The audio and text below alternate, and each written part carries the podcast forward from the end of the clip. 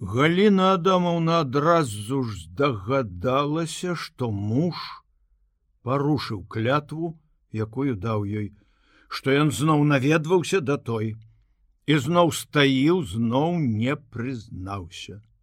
Чаму? Парушэнне клятва яшчэ больш абурыла і абразіла яе.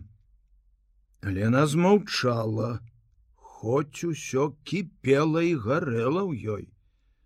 Яна баялася сваркі разрыву і прымусіла сябе маўчаць дзеля дзяцей. Выкрык Наташы, варожасць дачкі спалохалі яе. Яшчэ больш усхвалявала замкнутасць і адчужанасць віці яе любімца. Дзеля спакою дзяцей і спакою яго Антона, Яна готова на любыя пакуты душэўныя і нават фізічныя. Знешне ў доме ўсё нібыта было добра. Разам снедалі, разам спяшаліся на работу, обедалі не заўсёды разам Антон часам затрымліваўся ў клініцы на кансультацыях. Але кожны раз больш акуратна, чым раней званіў і паведамляў, дзе ён разам вечэралі ўсёй сям'ёй глядзелі тэлевізор ці пакінуўшы дзяцей дома хадзілі ў кіно ў госці. Але галіне адамаў не здавалася што муж зусім не той што раней. Не такі ласкавы. Ад гэтага яна пакутавала яшчэ больш рэўнасць душыла яе як хвароба але яна трывала і ў душы нават пачала ганарыцца сваім падзвіжніцкім цярпеннем. Паступова ўваходзіла ў ролю пакутніцы, дзікую пачварную ролю, якая калечыць душу. Я пакутую у імя Бога, у імя ідэі, у імя блізкага свайго. І пачынаецца чорт ведае, что? Чалавек ператвараецца ў фанатыка перастае разумець самыя простыя надзівы лагічныя і звычайныя рэчы галіна адамаўна трохі не дайшла до гэтага. Выбух адбыўся нечакана. Аднойчы ўвечары калі пілі чай антон кузьміч сказал спокойно разважліва ведаеш галка абрыдла мне займацца гэтай дачай. Зноў патрабуюць знесці. А куды зносіць? Каб угаварыць кирылу я з лёгкай душой перадаў бы яе нашаму прафсаюзу под пенерскі лагер. Я гаварыў ужо у абкаме. Яны маглі б нават выплаціць некаторую суму. Праўда меншую чым мы затрацілі але якое гэта мае значэнне Мы ў траіх працуем, валя готова згадзіцца, кирыла ўпёрся. Віця і Наташа першыя ўбачылі, як пабялела маці, прыкусіла губу і сцялася, насцярожыліся ўсе. Бо кирылы сям'я, дзеці, і ён думае пра іх пачала яна ціха, але тут жа сарвалася на крык. А у цябе няма сям'і, няма дзяцей, Табе нічога не трэба. Ўсё готовы раздаць, каб выставіць сябе, мама! паспрабавала спыніць Наташка, молчы няшчаснае крыкнула на дачку выскочыла з-за стола ўжо расчырванела расчырванелая раз'юшаная кинула мужу. Не думай что я дурная я ўсё ведаю толькі з-за іх яна показала пальцем на дзяцей я молчу і цярплю Віця, панурыўшыся, пайшоў да дзвярэй, Наташа стаяла ў ваяўнічай позе, гатовая зноў абараніць бацьку. Антон Кузьміч, не адказваючы жонцы, спыніў сына: збірайцеся дзеці на каток! Сёння я.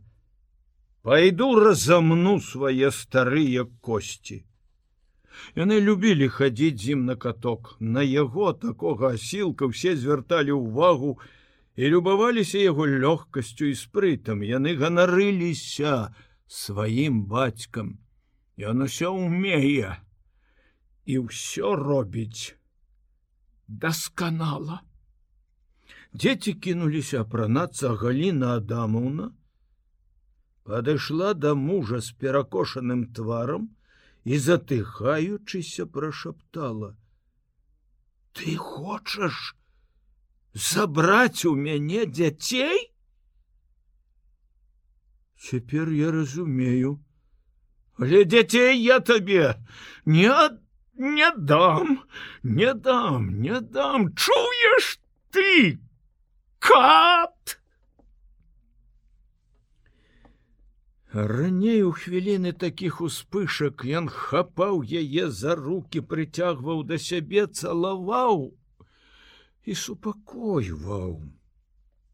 Цяпер ён не мог гэтага зрабіць. Панурыўшыся, як віця, ён выйшаў калідор шукаць канькі.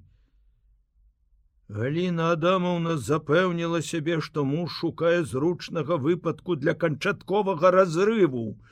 Таму і дзяцей перацягвае на свой бок.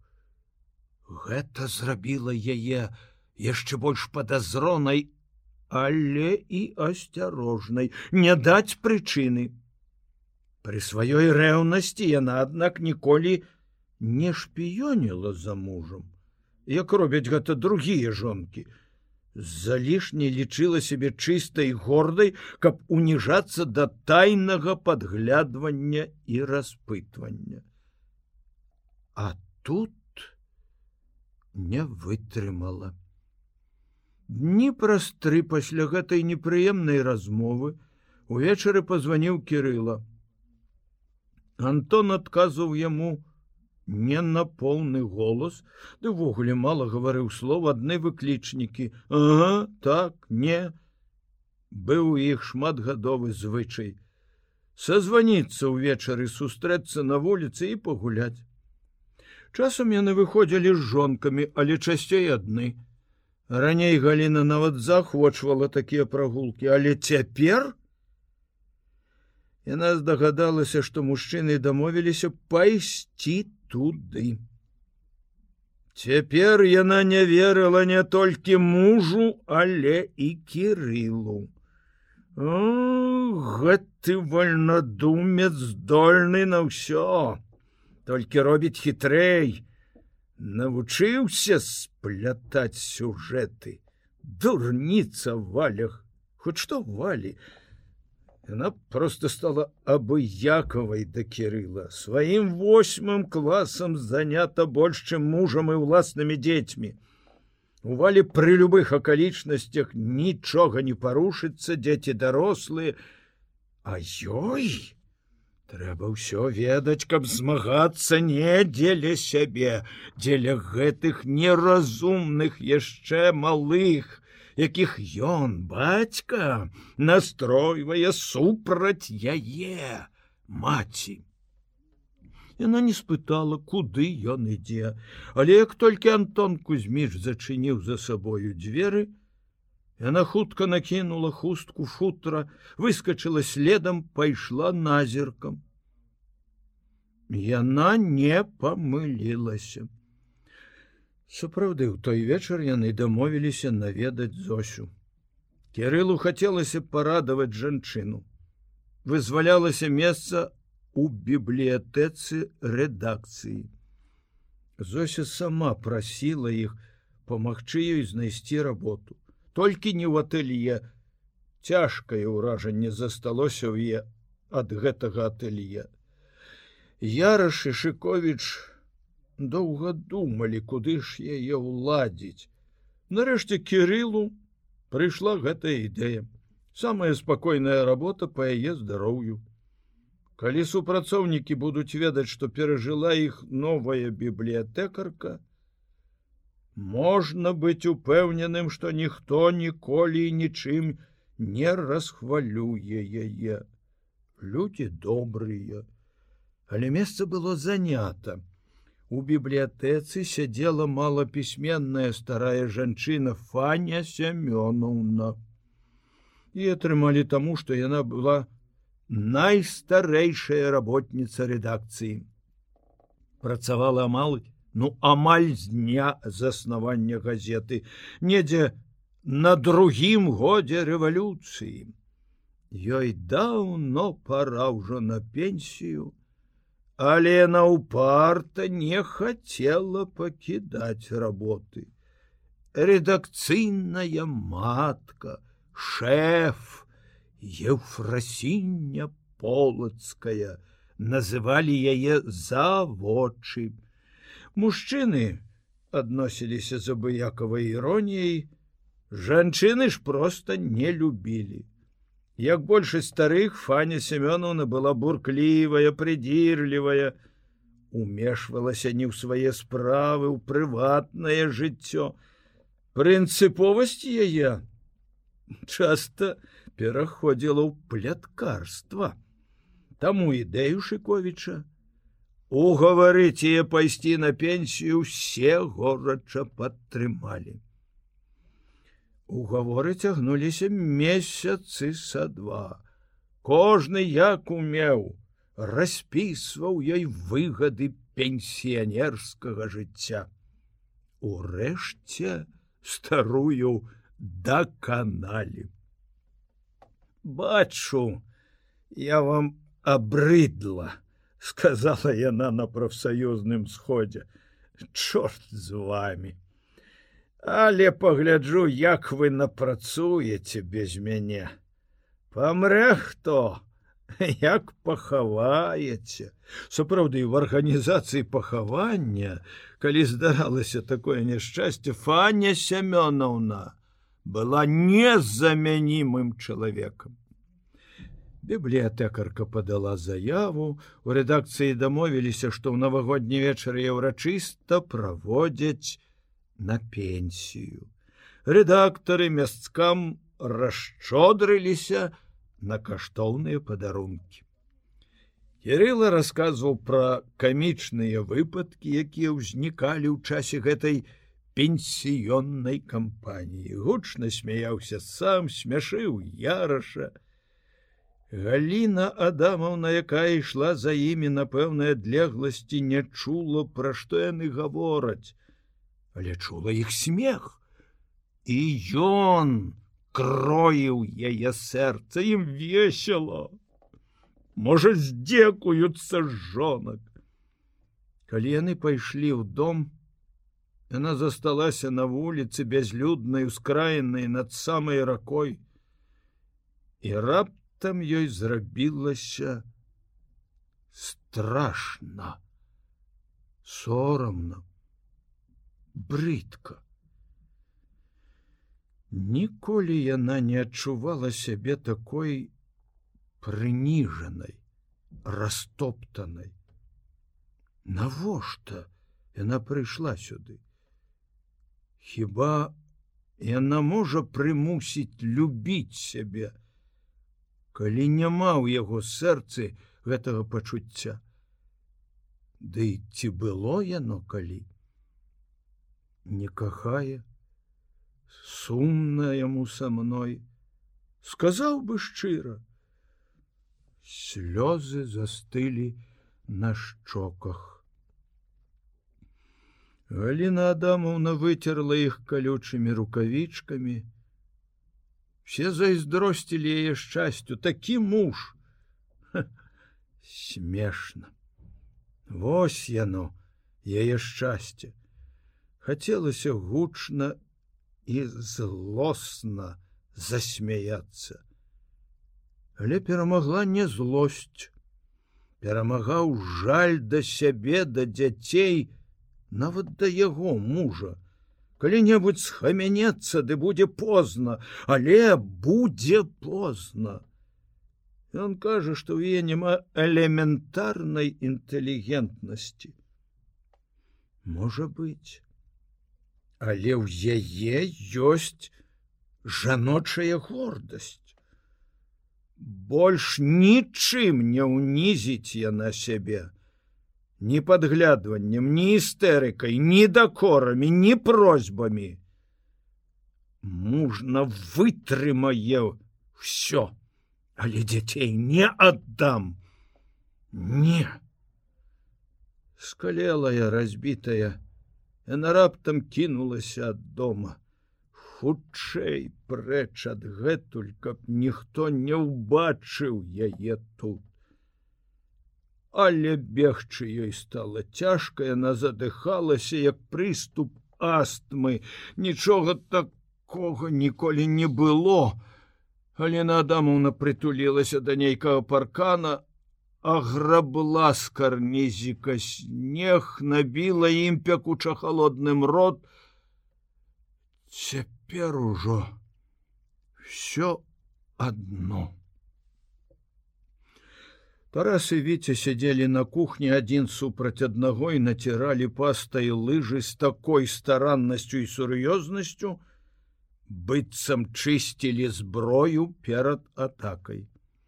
Наташка стаяла, прытуліўшыся плячамі да вушака дзвярэй з такой жа сур'ёзнасцю, сачыла за іх работай, доўга сачыла. Ты чаму маўчыш, натка? — спытаў Тарас у яе голас ламаецца адгукнуўся віця а ў цябе мазгі ну ну ну ну ну ну зноў пасварыцеся не сварыцца ім не хацелася апошні час яны жылі на дзіва дружна і цяпер віцю хацелася попрасіць у наташа прабачэння калі гэты жарт невінны як яму здавалася пакрыўдзіў яе хлопец сам здзіўляўся Ніколі раней ён не адчуваў да сястры такой пяшчоты і ўвагі. Наташа раптам асцярожна без стуку шчыльна зачыніла дзверы. Тарас, ты разумны, паміры іх каго? Маму і тату, Натка процягнуў віце нібы яна открывала вялікую тайну некаму чужому. А я не могу так больш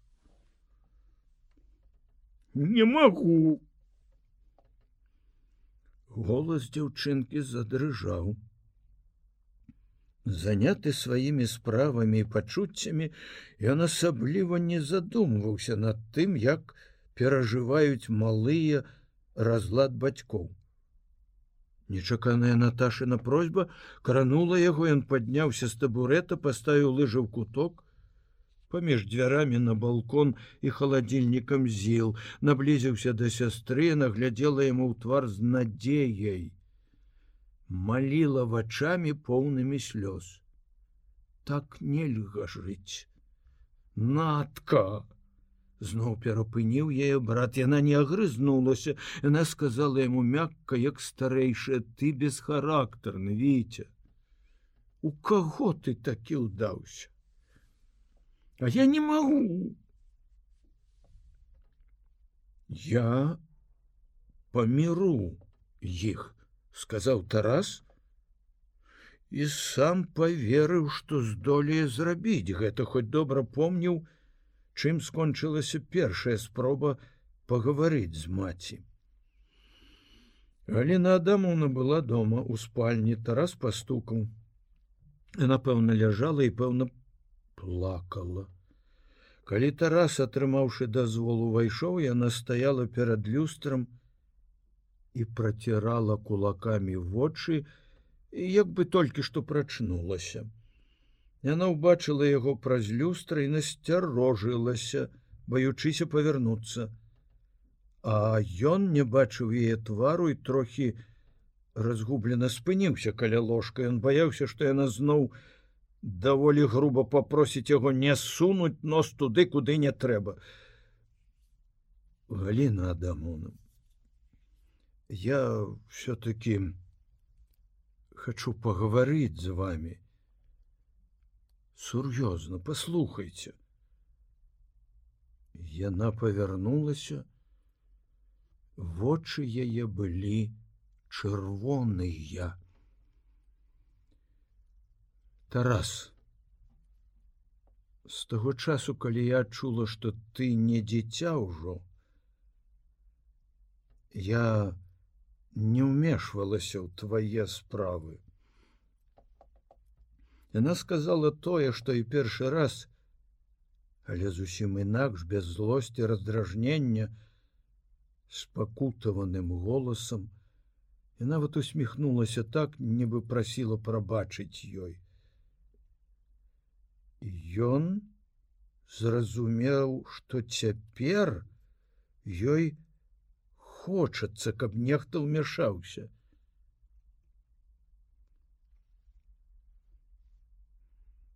Я Я люблю вас, мама. Слово гэтае вырвалася неяк саму ад жалю да яе.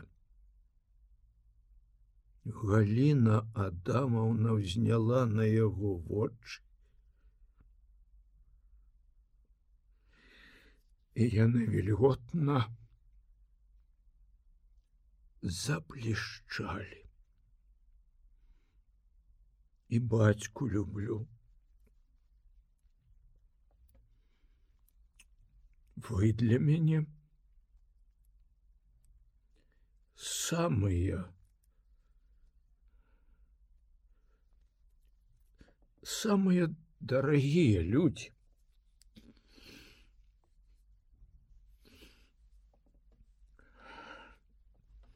Не трэба тарас уздыхнула яна твои адносіны до да нас одно наши одно до да одного другое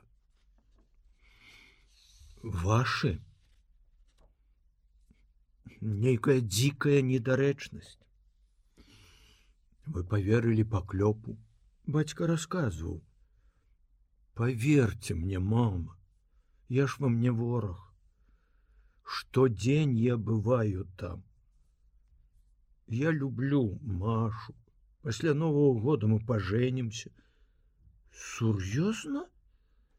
В вачах я бліснула іскрынка цікаўнасці хіба Софья степановна такая жанчына подумайте колькі яна перажыла. Галіна Адамаўна закрыла твар руками, замотала головой не яна. Ты шмат чаго не ведаеш, Тарас, ты галоўнага не ведаеш, але яна много перажыла. Але хіба гэта дае ёй права? Хоць не яна ён, Чаму ён хаваецца, падманвае, навошта? Што? Я такая дурная, подлая. Скажы, была я калі-небудзь прагная, скупая. У іх была дружба ў падполлі, яму хацелася памагчы ёй, калі ласка. Няўжо я не зразумела, ну не зразумела б, каб усё па-чалавечы.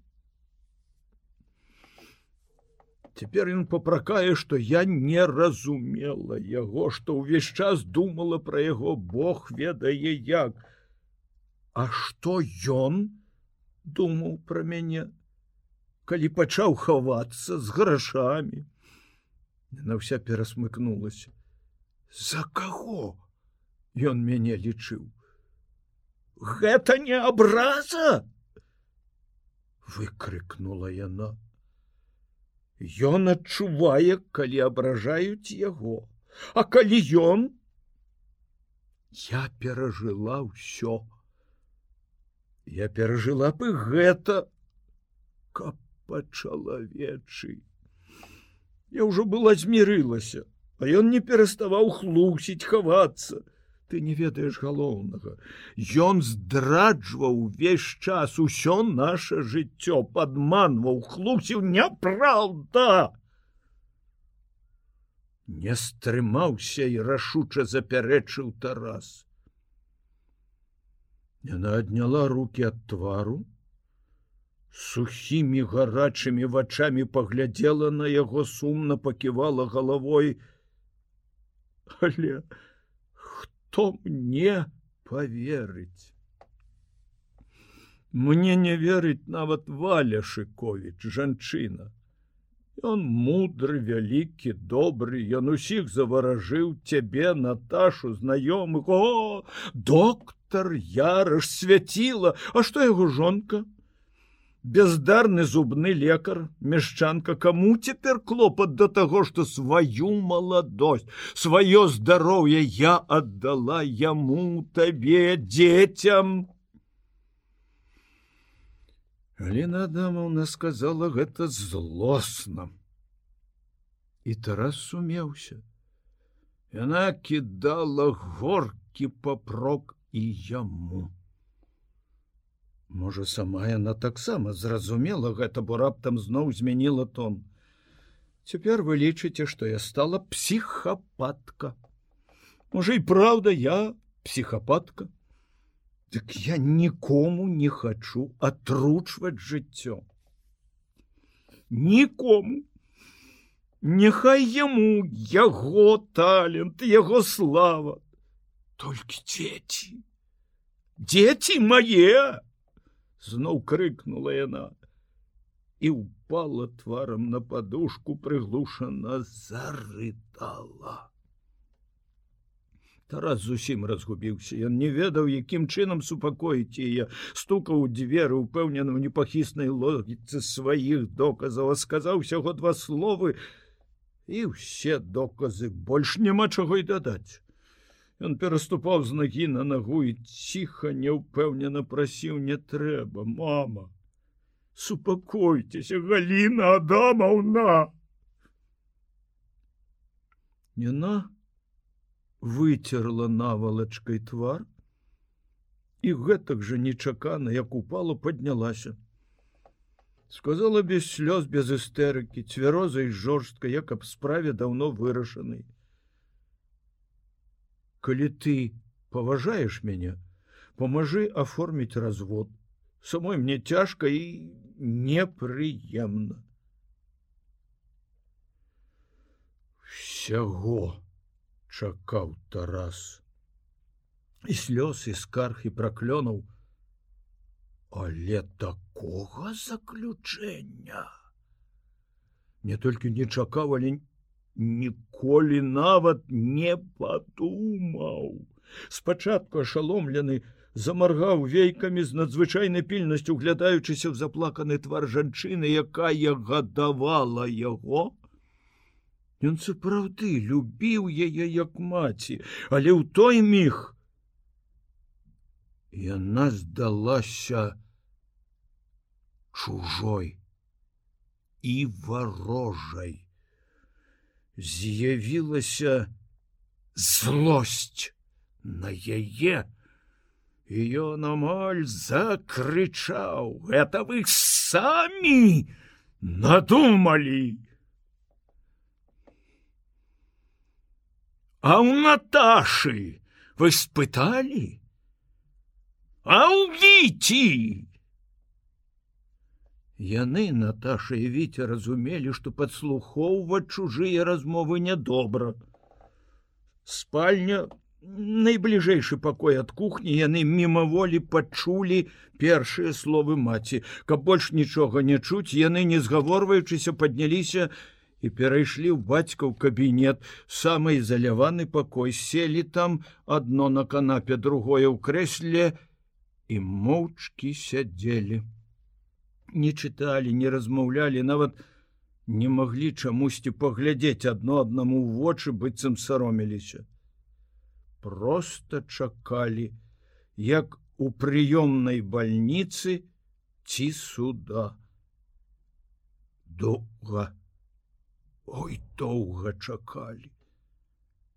Можа, праўда сароміліся за маці ці шкадавалі яе? Калі нарэшце тарас вярнуўся яны паглядзелі на яго з надзеяй з запытаннем. Наташа нават саскочыла з канапы і памкнулася насустрач. Тарас усміхнуўся ім знясілена але паабяцаў з ранейшай упэўненасцю. Я іх паміру